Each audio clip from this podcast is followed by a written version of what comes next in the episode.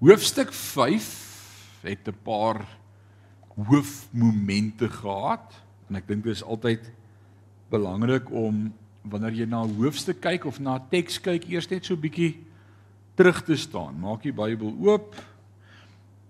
Kyk na die hoofstuk. Lees die hoofstuk. Kyk so 'n bietjie terug na die hoofstuk en kyk of daar sekere gedagtes is wat uitspring wat belangrik lyk waar volgens ons na hierdie teks kan kyk in 1 Korintiërs hoofstuk 5 het 3 momente gehad. 3 hoofmomente. Die eerste een was wees hartseer oor sonde. Want sonde hoort nie in ons lewe nie. Wees hartseer daaroor. Dawid treur oor jou sonde. Dis 'n it's a good place to be, to be sorrowed by your sins, né? Nee. Dis dis goed. Moenie boast daarin nie, moenie volhard daarin nie, moenie bly wees daarin nie. God se manier is treur oor jou sonde. That's good. Ek wonder as Adam en Eva, is is daai aircon aan? Voel dit so? Ag Johan, wil jy nie net vir my kyk of hy af is nie asseblief? Maak net vir my seker. Af. Hierdie kant word die wat gewaai wil word sit die kant en die wat nie wil waai nie sit die kant. Nee, ek gaan nie sê die wat wil waai met nou waai nie. Alraight. Uh, is hy aan? Is hy af? Awesome. Okay. Alraight. So hoofstuk 1 se eerste gedagte was treur oor sonde. Hoofstuk 5 vers 1 en 2.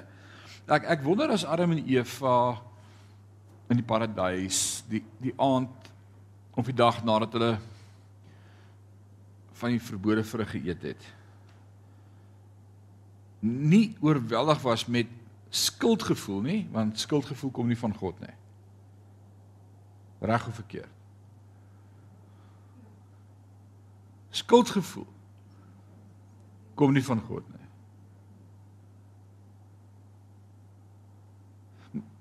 Maar sy gees werk in ons om te repent.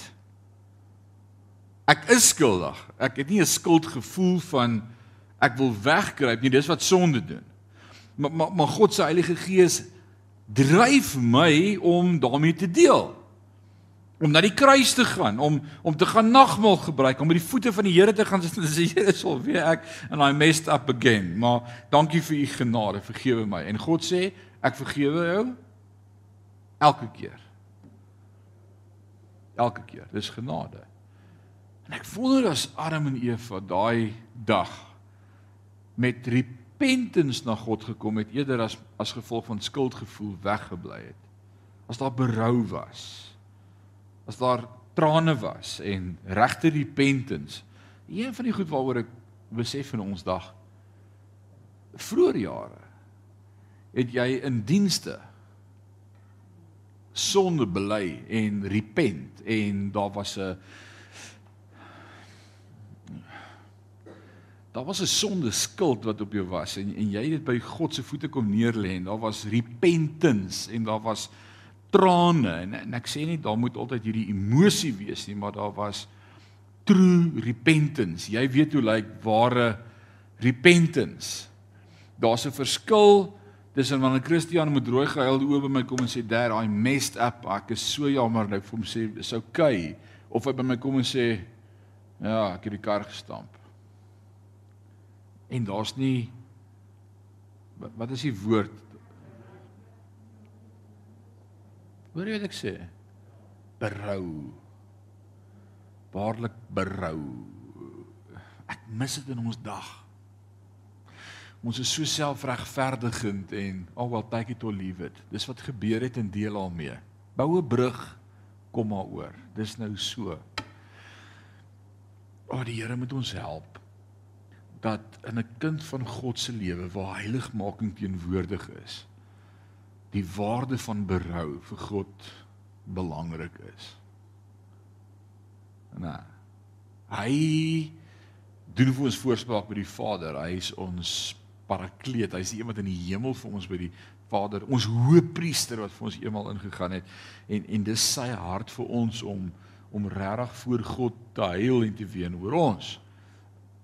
Maar dat ek en jy partykeer min gespin kan wees. Dat dat die wêreld so min gespin is oor hulle eie sonde berou.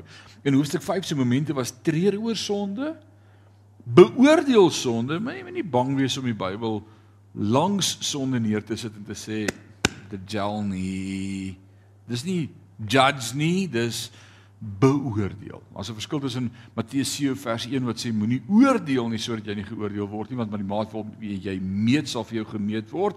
Al eers die balk uit jou eie oog voordat jy die splinter uit die oog van jou broer haal. Daar's 'n verskil om te oordeel en om te beoordeel en die woord langs te sit en te sê mm, -mm dit's lyk nie selfde nie.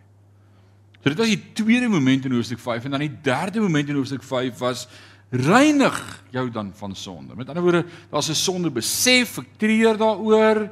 Die die tweede een was beoordeel sonde, sit hom langs die woord en sien hoe dit moet lyk en dan die derde een het ons laasweek gesien, reinig dan die sonde. Raak ontslae daarvan. Groei uit dit uit, kom van dit vry, kom van dit weg.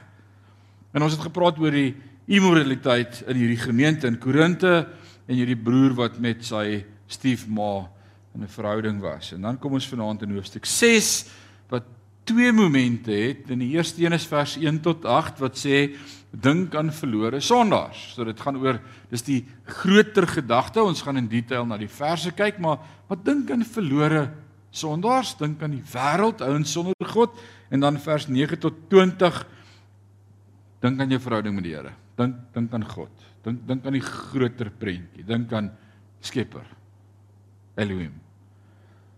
So kom ons begin vanaand by hoofstuk 6 vers 1. Wanneer een van julle hy praat met die gemeente, hy praat met gemeentelede, hy praat met wedergebore kinders van God, hy praat nie met die wêreld nie, hy praat met seuns en dogters medegelowiges. Hy sê wanneer een van julle 'n geskil met 'n medegelowige het, gaan julle werklik so ver om 'n sekulêre hof om 'n beslissing te vra in plaas van julle medegelowiges? Met, met ander woorde, hy sê die regstelsel is is is 'n sekulêre stelsel. Ons is God se kinders met God se reëls, met God se woord, met God se gees met een Vader. Ons kan nie die wêreldse stelsel gebruik om met mekaar dit dis dis nie God se manier nie. God het 'n ander stel reëls. Hier's hier's ander reëls in die boek. Die wêreld sê so, hier sorry. O, ons kan nie. Ons ons sê, uh, uh, hierdie boek sê vergewe, spreek vry, draai die ander wang, wees die minste, hou aan, vertrou. Dis God se reëls. En hierdie is nie net somme met die wêreld nie. Dit is belangrik om te sien die konteks is met medegelowiges. Sê saam my medegelowiges. Met ander woorde is 'n belydende kind van God wat ek weet ook lief is vir die Here en ook God se gees het en ook wedergebore is en nou het ons met mekaar 'n geskil en nou sien Petrus hier ag Paulus hier's hierdie goed wat in die gemeente gebeur en dan wat doen hulle hulle hardloop na die hof toe. Ons gemaak 'n saak teen mekaar. En dit bring skade in die familie want ons is een familie. Dis so goed ek en my eie bloedbroer kuier kersies by my maale en ons gryp mekaar oor daai eetkamer stel wat ek wou gehad het wat hy daar weg het en hy moes hom al teruggebring het en hy het nie en ek sê wel ek het genoeg gehad. Ek gaan jou aangee vir bedrog jy het hom gesteel en ons wil kersfees hou. En my maale het nou die kalkoen op tafel en hoenders en ons is aan mekaar aan die gord en die polisie is daar. Ons gaan mekaar nou dagvaar want ons voel te nagekom. Dis dis is dit hoort nie so nie. Come on. It does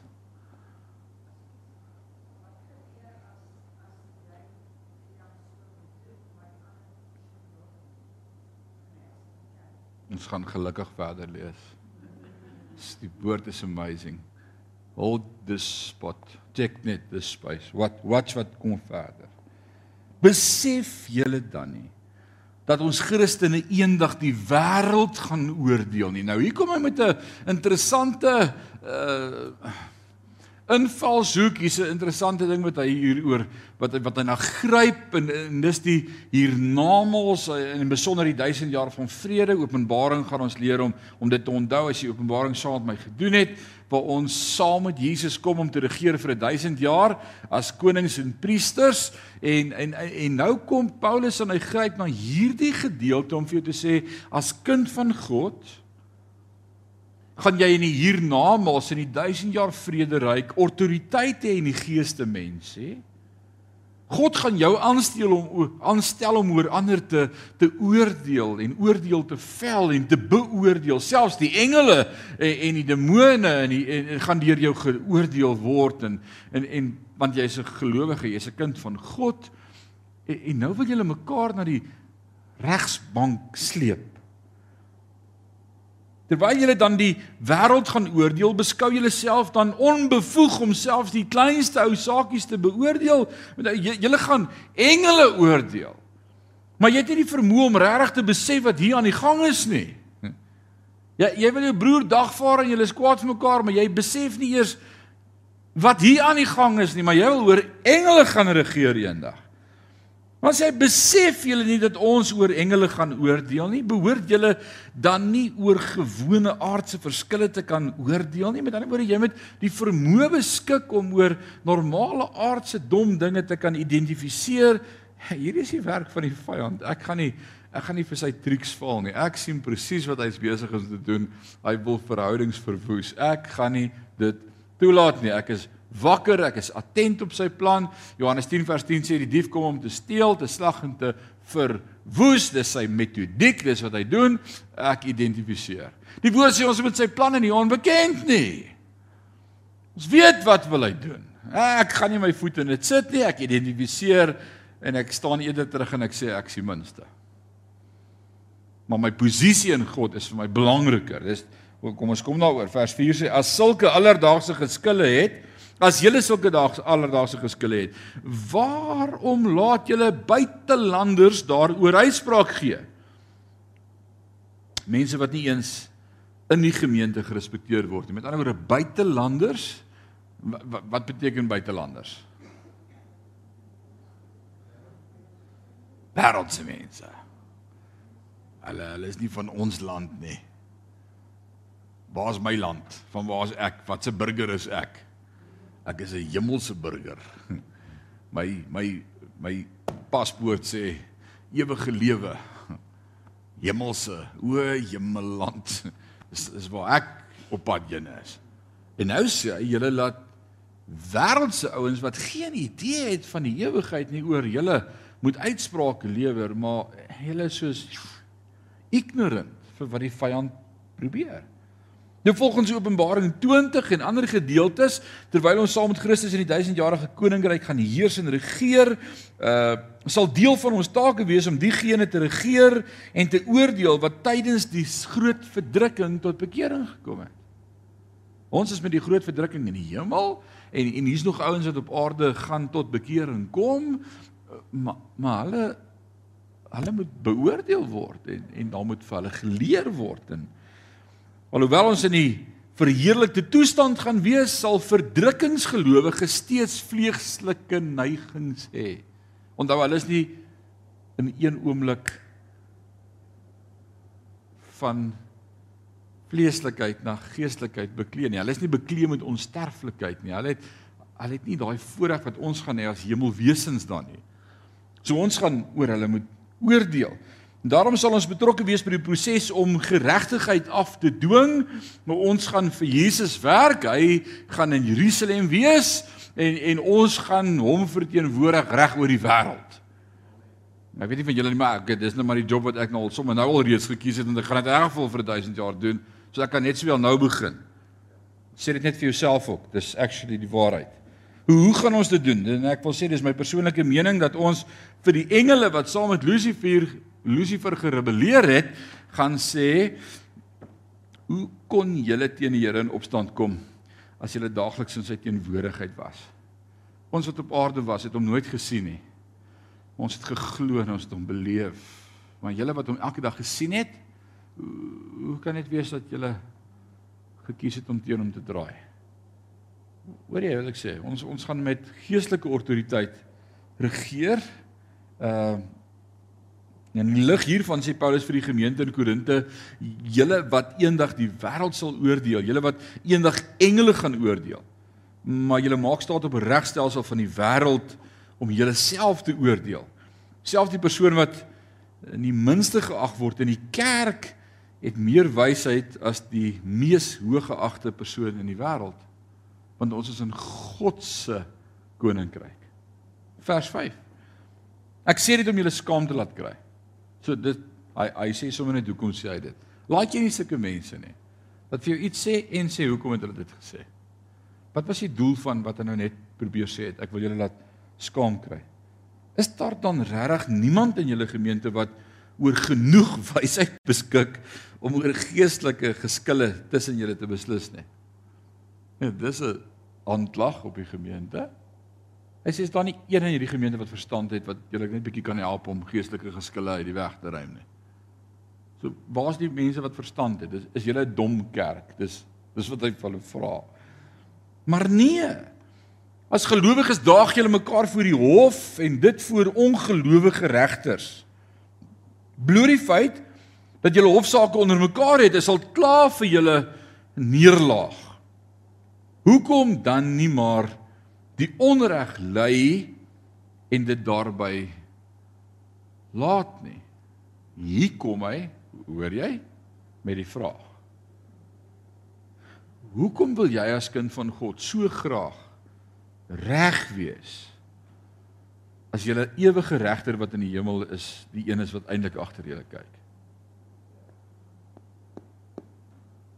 Uh, uh, uh. Wil jy vir jouself sorg of wil jy God met vir jou sorg? Dis dis die vraag. Benewens om hulle self te oordeel, moes die Korintiërs gelowiges die verkeerde dinge wat aan hulle gedoen is absorbeer, die ander wang draai, die mantel prys gee, die ekstra myl loop. Wat sê leer Jesus onsself in Matteus 5 vers 39 tot 41, maar ek sê vir julle, julle moet julle nie teen die slegte mens verset nie. As mense op jou regterwang geklap word, draai vir hulle ook die ander wang en gee vir hulle wat die hof uh, gee vir hulle wat jou hof toe wil vat omdat hulle jou onderkleed wil hê, sommer jou bokleed ook. Dis maar ek laat nie oor my loop nie. Ek is 'n koningskind. Ek hoor dit. Ek hoor dit. Ek is nie rabbies nie. Niemand vat net van my nie. Jesus sê as hulle jou onderrok soek, gee sommer die boorrok ook. Hoekom? Ek laat nie my goed vat nie. Ek laat nie aan my klap nie. Hoe hoekom? Dan sê vers 41 as 'n soldaat jou dwing om sy goed 1 km ver te dra, dra dit 2 km vir hom. En hierdie is nie 'n lekker stuk teologie nie. Dis dis nie 'n maklike woord nie. Daar daar's nou nie 'n klomp amens vanaand op hierdie teks nie. Maar ek wil vir jou sê as jy kan regkry om dit te beoefen om die minste te wees, om meer te gee as wat van jou gevra word. Jy gaan God se blessing op jou lewe beleef. Jy gaan God se blessing beleef. Absoluut, absoluut gaan jy. Jy wil vra.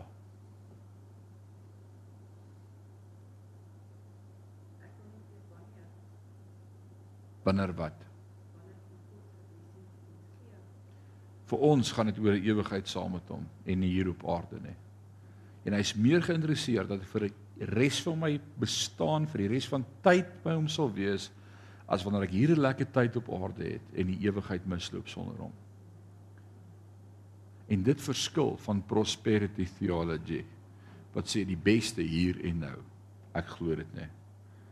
Ek glo dit nie. Vers 7 sê: "Hoekom laat julle nie maar eerder hoekom laat julle julle nie maar eerder benadeel nie?" Nee, dis mos nou nie. Ek myself laat benadeel, die minste wees, agteroor buig, al altyd opgee. Altyd die een wees wat die offers maak. Dan sê hy in plaas daarvan is julle die mense wat onreg doen en ander benadeel en julle doen dit nogal aan medegelowiges. Nee man. Werk nie so nie. Paulus het aan die Korintiërs gesê dat eerder as om deur al die wetlike prosesse te gaan om hulle self eh, geregtelik te verdedig, dit beter manier is om die Here te vertrou en probleme op te los. Leave it there. Leave it there. Take your burdens to the Lord and leave them there. Nee, waar nie, ek gaan 'n saak maak. Ek gaan dit handle, Here. Ek het hierdie een. Ek sien jy is baie besig. Vertrou ek dan die Here? Of sorg ek vir myself? Die die Dis totally contradicting die tye waarin ons lewe van menseregte en die waarde en my my wette en die regte en wat ek mag en dis totally contradicting. Dit dit sluit so aan by wat Jesus ons geleer het wat sê as iemand sy lewe liefhet, sal hy dit verloor. Maar as iemand sy lewe aflê ter wille van my koninkryk en die evangelie, sal hy dit behou tot in ewigheid. Hoe verstaan ons dit? Dis dis 'n dis 'n moeilike proses om om te sê maar ek het nie my lewe lief nie. Ek het hom wat lewe gee baie meer lief as myself. En, en, en dis dit nie waaroor die saligsprekinge gaan in Matteus 5 nie. Wat sê salig is julle as as die mense julle valslik beskuldig en van allerlei goed verdink en leuns van julle vertel en julle selfs voor die regbank sleep en selfs doodmaak. Al die profete voor julle doodgemaak en was hulle nie groter as julle nie, maar ek sê vir julle dat as julle in hierdie wêreld iets prys gee vir my, julle dit in die ewigheid honderdvoudig sal terugkry. Jou lewe moenie vir jou saak maak nie. Dit maak vir my saak, sê God. Of jy kan vir jouself fight en dan staan ek terug en dan gaan jy die fight verloor. Jy gaan jou vrede verloor, jy gaan verhoudings verloor, jy gaan vriendskap verloor. Jy gaan ongelukkig wees. Besef julle dan in vers 9 dat mense wat 'n sondige lewe lei, geen deel sal kry aan die koninkryk van God nie. Moenie julleself mislei nie. Mense wat 'n onsedelike lewe lei, afgodsdienaars, egbreekers, manlike prostituie, die mans wat met hulle omgaan. Nou, nou hier's hier's 'n mond vol goed wat hy nou hier uiter. Nou nou ek ek wil nie vanaand die teks verkeerd verstaan nie. Ek wil graag dit wat Paulus bedoel het vanaand hoor en en ek moet hoor wat hy sê en maar kyk wat hy doen in vers 8 en vers 9 want daar's nie daar's nie 'n 'n nuwe aankondiging van 'n nuwe paragraaf nie. Hy hy hy gaan nie nou met erger dinge aan nie. Hy praat oor in plaas daarvan dat julle mense wat onreg doen en ander benadeel en julle doen dit nogal aan medegelowiges met ander woorde hy praat van in God se oë is dit totally verkeerd om 'n medekind van God wat aan God behoort op 'n wêreldse manier te oordeel. God sê ek is die regter en ek sal oordeel. En dan in die volgende oomblik noem hy 'n klomp erge ernstige sondes waarna een van ons wil skuldig wees nie en ons ons daarvan weerhou en Paulus sê God sien dit in dieselfde lig. So so kom ons sê dit vir wat dit is. Hy sê of jy jou broer nou voor die regsbank sleep in die wêreldse stelsel, uh besef jy dan nie dat mense wat 'n sondige lewe lei geen deel sal kry in die koninkryk van God nie. Moenie hulle mislei nie. Mense wat 'n onsedelike lewe lei, hy sê ouens wat hulle medegelowige broers voor die regsbank sleep, mense wat 'n onsedelike lewe lei, afgodsdienaars, egbreekers manlike prostituie en 'n man wat met hulle omgang, almal in dieselfde lig, ewe verkeerd voor God. Jesus is lekker nie. Sonde is sonde. Daar daar's nie 'n groot sonde en 'n klein sonde nie. Ek dink dis wat hierdie teks vir my kom wys vanaand. Dan word jy wil judge oor die homoseksuele, jy wil judge oor die prostituie, jy wil judge oor die egbreekers en jy wil iets te sê oor oor afgodsdienaars wat ander gode aanbid en 12 uur hulle winkels sluit om vir 2 ure op hulle gesig te bid en spot met hulle en en ander wat 'n onsedelike lewe lei en jy dagvaar jou broer wat 'n medekind van God is. Wat's die verskil? Dis dis ernstig. In vers 18 sê Paulus vir die Korintiërs gelowiges gesê om uit hoerery weg te vlug en en hier gee hy vir hulle die eerste rede waarom hulle dit moet doen. Hoerery bring 'n mens se ewige toestand in gevaar. Dis wat dit doen. Bring jou ewige toestand van 'n ewigheid saam met God in die gedrang. Beteken dit dat enige iemand wat in hoereerdery verval of egbreek pleeg of gepleeg het, gaan dit nie in die hemel maak nie. Nee. Van die tyd van die teks, die die ritme van die teks, die taal, die tyd woorde wat gebruik word in die oorspronklike taal sou dit duidelik gemaak het vir enige iemand wat hierdie brief sou lees dat Paulus nie praat van diegene wat met hierdie gebiede gesukkel het of selfs miskien sukkel nie, maar diegene wat vlagrand en bladtand daarin voortgaan, moedswinnig, opsetlik, aanhoudend, wil nie breek met sonde nie. Dis waarom hierdie woord nog altyd 'n probleem het. Nie met sonde nie. Om met aanhoudende moedswillige opsetlike sonde. Voorbedagte planne, nie 'n slip nie. Nie 'n mistake gemaak nie. Nee, ek sorry nie. Nee, daar's repentance nie. Dis soos ek sal dit doen, ek wil dit doen, ek gaan dit doen. Ek gaan my nie laat vertel nie. Ek weet wat ek doen want ek kan. En Paulus sê: "Oppas want jou ewigheid word nou in gedrang gesit." Alraai. Wat beteken dit? Op grond van 1 Johannes en Johannes is nogal erm en daaroor as hy sê daai aanhoudelike, moedswillige, opsetlike sonde. Right. Al wat ek weet is dit of iemand sy redding verloor en of iemand werklik nooit gered was nie, hoe dan al hy beland op dieselfde plek en dis op 'n moeilike spot want jy gaan rekenskap gee voor God. En ek sal nie in sy skoene wil wees wanneer hy voor die Here staan nie. Wat maak nie saak hoe gereeld hy kerk toe gekom het en hoe groot of hoe dik sy Bybel was nie Ek kan nie waarborg dat hy die hemel sal ingaan nie, want die woord sê dit vir ons. Die Bybel maak dit pynlik duidelik dat diegene wat in hierdie sondes voortgaan, nie die koninkryk van God sal beerwe nie. En ons moet dit vir mekaar sê. Dis wat die teks sê. En dan verwissel hy ratte en ons kom by ons tweede moment in hierdie teks. En die volgende moment gaan oor wat het ons gesê? Dink aan die Here, dink aan die groter prentjie, dink aan God.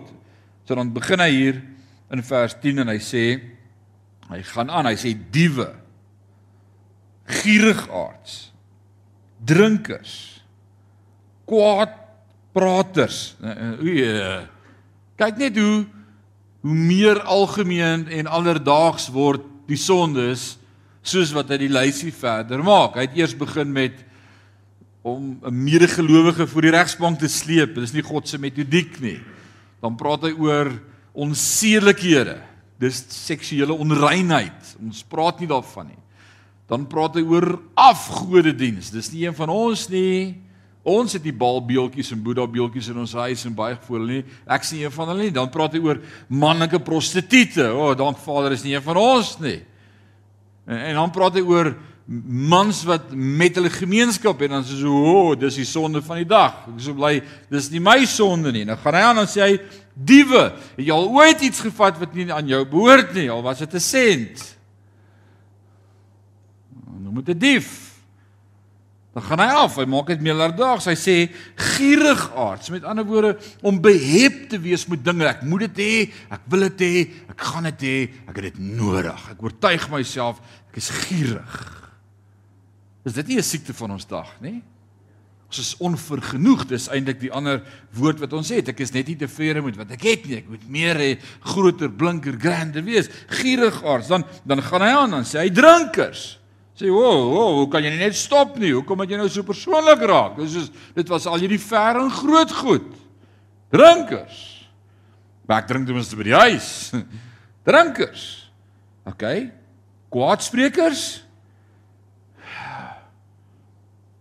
Maar ek praat daarom nie kwaad nie. Ek ek ek, ek praat dit net uit omgee uit. Sommige ek omgee. Ek sê maar net. Ek I'm just concerned. Nee nee nee, dis dis kwaad praat. Hy hy sien dit in die in die in dieselfde ernstigheid, in dieselfde graad.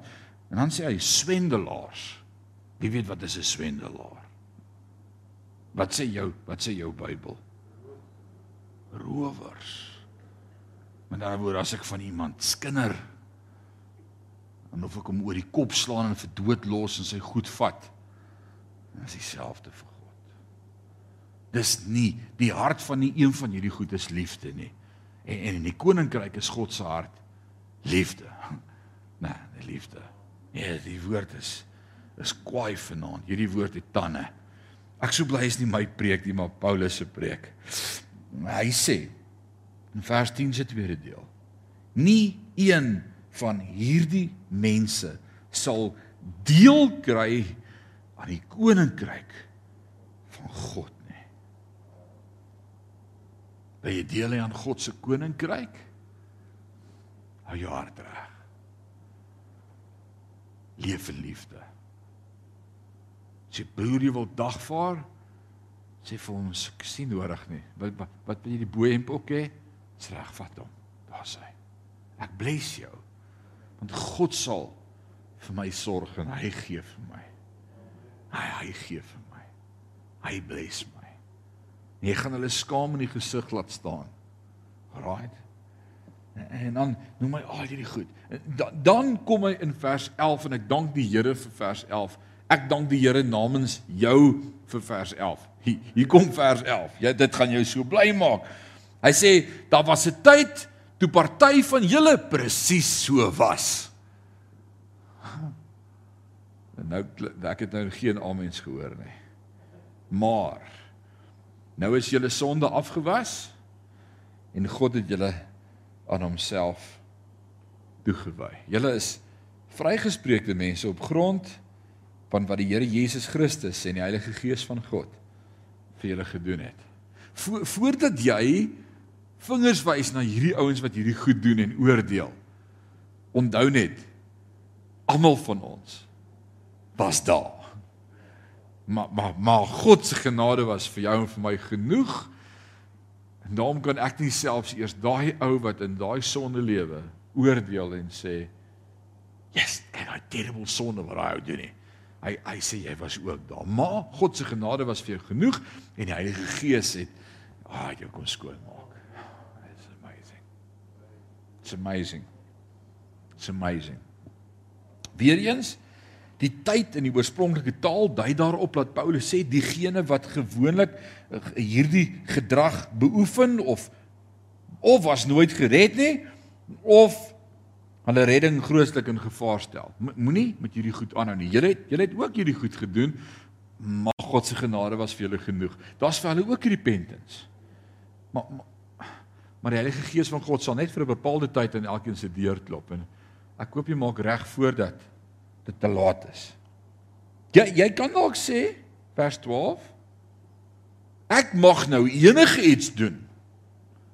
Dit dit klink vir my soos Romeine 6 vers 1. Sal ons dan nou opsetlik aanhou met Sondag nou dat ons tot die kennis van die waarheid gekom het? En dan antwoord Paulus en dan sê hy nee, stellig nie. Kan nie, dis presies dieselfde vraag wat hy hier doen as hy skryf van die Korinte gemeente. Hy sê, julle mag dalk sê ek mag nou enigiets doen. Maar ek sou daarop antwoord, nie nie alles is vir my goed nie. Selfs al sê jy ek mag enigiets doen, mag ek my nie deur enigiets laat verslaaf nie. So nou trek hy die strop bietjie stywer en hy sê as kind van God kan ons sê daar's grace, daar's genade, daar's vergifnis, daar was 'n kruis, dit sonde word my nie meer toegereken nie. Ek is nie meer 'n sondaar nie, ek is 'n kind van God. So ek kan enigiets doen, dis my geoorloof, ek mag en dan sê hy dis awesome, maar nie alles wat jy doen is goed vir jou nie. Jy mag. Dit is dalk dom. Jy kan voor 'n trok gaan staan. Ek dink dit is so slim nie. Gaan jou lewe kos. En, en dan sê hy ek mag enigiets doen sê en dan sê hy ek ek mag ek my nie deur enigiets laat verslaaf nie. So hier's die kriteria. Is ek vry of is ek 'n slaaf? Ek dink dit help my om te deel met enige ding wat hou vas het op my lewe. Is ek vry of is ek 'n slaaf? So. Is ek vry of is ek 'n slaaf? Omdat hy die talle probleme van sedelikheid in die Korinthe gemeente aanspreek, kan 'n mens dink dat Paulus 'n beperkte lewe gelei het. Hy hy het 'n probleem met alles. Hulle mag nie mekaar drukkies gee by die kerk nie, hulle mag nie mekaar soen nie, hulle mag nie vir mekaar gaan kuier nie, hulle moet nie vir mekaar kyk nie. Hy het 'n probleem met alles. Nou hier sien ons dat omdat hy nie gebonde was aan reëls en regulasies van enige aard nie, hy in werklikheid die vryste persoon op aarde was. Want want Paulus was wedergebore. Hy was hy was vry. Daar was nie reëls in sy lewe nie. Dit was om hierdie rede dat hy geweier het om in slawerny van enige persoon of enige aktiwiteit of enige situasie te wees. Ek gaan nie weer iemand se slaaf wees nie. Dis 'n goeie standpunt om in te neem in jou lewe. Ek gaan nie weer enige iets of iemand se slaaf wees nie. Nou kan ons oor enige iets vanaand praat oor slawerny van seksuele immoraliteit tot verslawingsgewoontes. As sonde hou vas op jou het en jy 'n slaaf daarvan is, is dit die verkeerde posisie om te hê want dan beteken dit ek het nie die vryheid in Christus nie. So ek het of vryheid in Christus of ek is 'n slaaf van sonde. Alraight. Ronel is 'n voorbeeld. Ronel kom uit 'n na. Sy vertel vir die vrouens by die vroue bid hier ek het na alkohol geryk en sy het gesien ek slinger daarin toe ek op my stoel gaan sit. En almal sê, "Het jy 'n drankprobleem?" Nou is ek kwaad vir jou. En ek is onvergewensgesind teenoor jou. En ek haat jou. En ek kan nie dink dat jy dit aan my gedoen het nie. En ek elke keer as ek jou sien, kyk ek aan 'n pad en ek loop aan 'n pad, jy het my te nagekom. Alraai. Is ek vry? Ek's 'n slaaf. Ek's 'n slaaf van onvergewensgesindheid. Maar ek's die victim. Nee, jy jy's die slaaf. Want as jy vry was, het ek dadelik gesê, "Ag Ronel, ek vergewe jou. Jy het nie idee waarvan jy praat nie. Ek ek bless jou. Ek bless jou." Dis 'n saak tussen jou en die Here. Hy is my pa, hy is my regter, hy weet wat se waarheid. Dis verby. Nou is ek vry. Soos die hele gedagte wat Paulus hier beskryf is, is ons reg vry of is ons slawe? Nou sê hy jy sê kos is vir die maag en die maag is vir kos. Dis nou 'n man wat praat, né?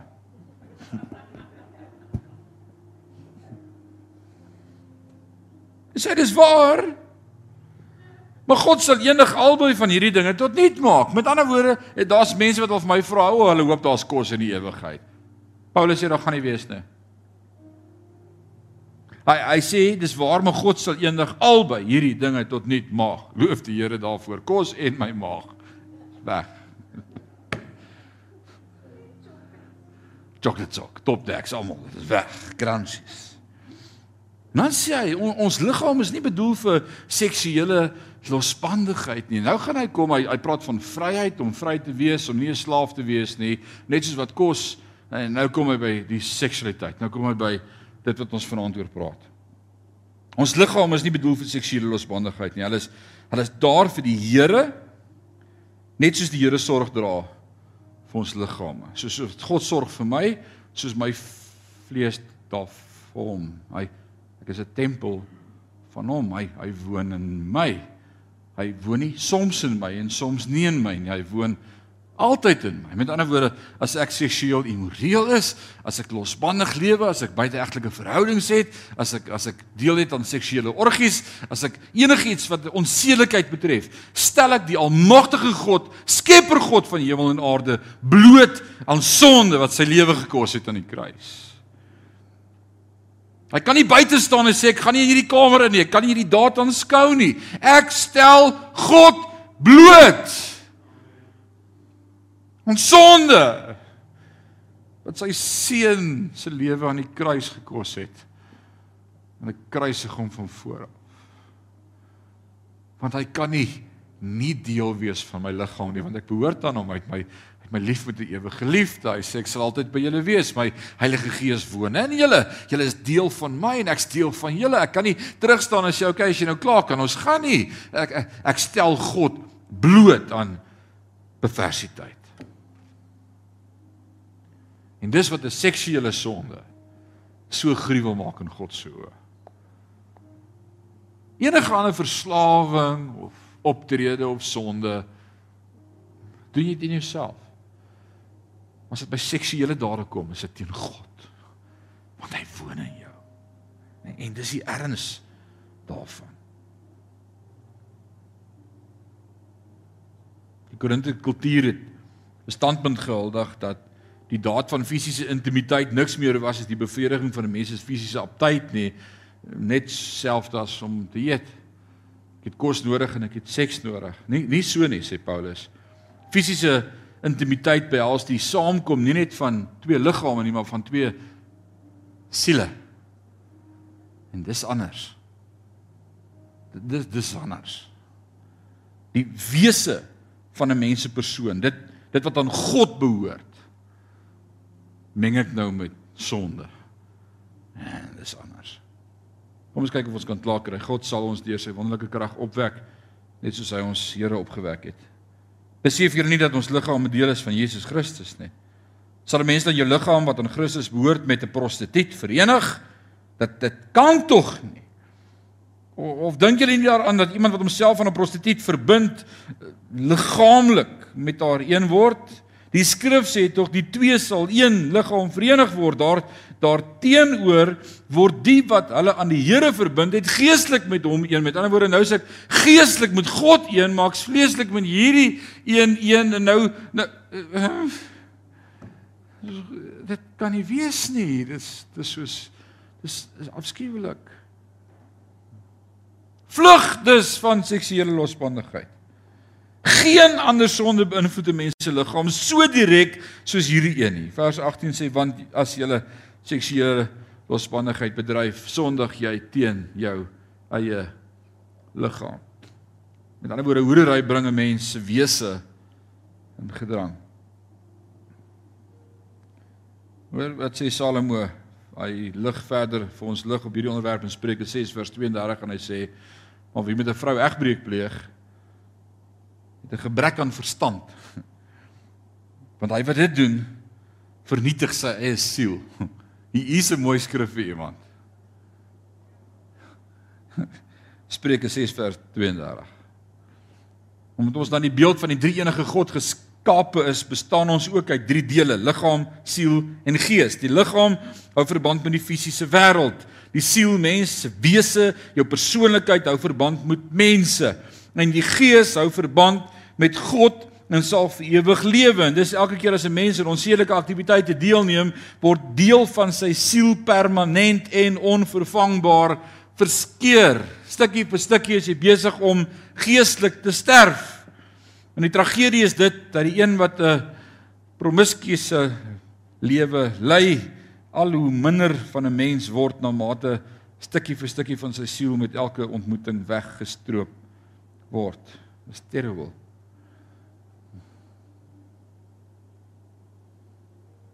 Of verstaan julle nie? Julle liggame tempel van die Heilige Gees is. Wat in julle woon en deur God in julle gegee is. Julle behoort nie aan julleself nie. Julle is met 'n duur prys gekoop. En daarom moet julle God met julle liggame verheerlik. Moet God met julle liggame verheerlik.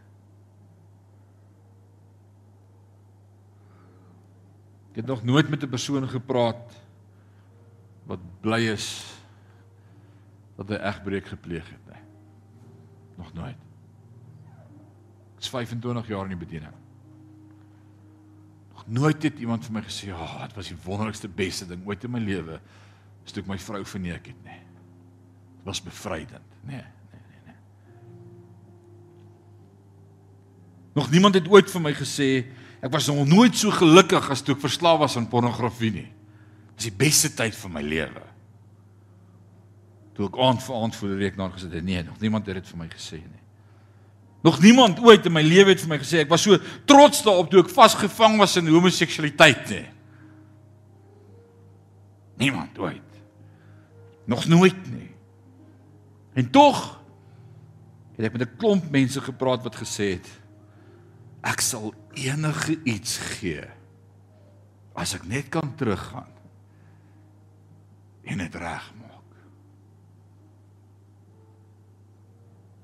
Baie mense het vir my gesê ek sou ek sou van daardie situasie wegvlug. Ek sal daardie nietige neigings weerstaan het. Ek sou kies om die leiding van die lam te volg.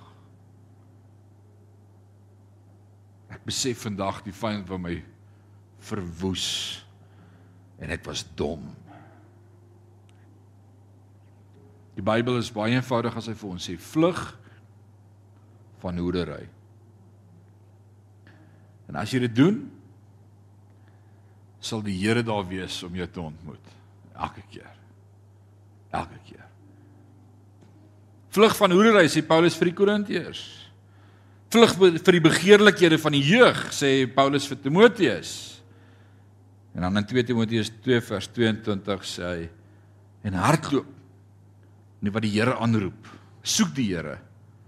Wandel met hom. Wandel met die Here. In ander woorde, hardloop van sonde na God. En jy sal goed doen. En dis die teks. Dis 'n lekker teks daar. Kom ons bid saam.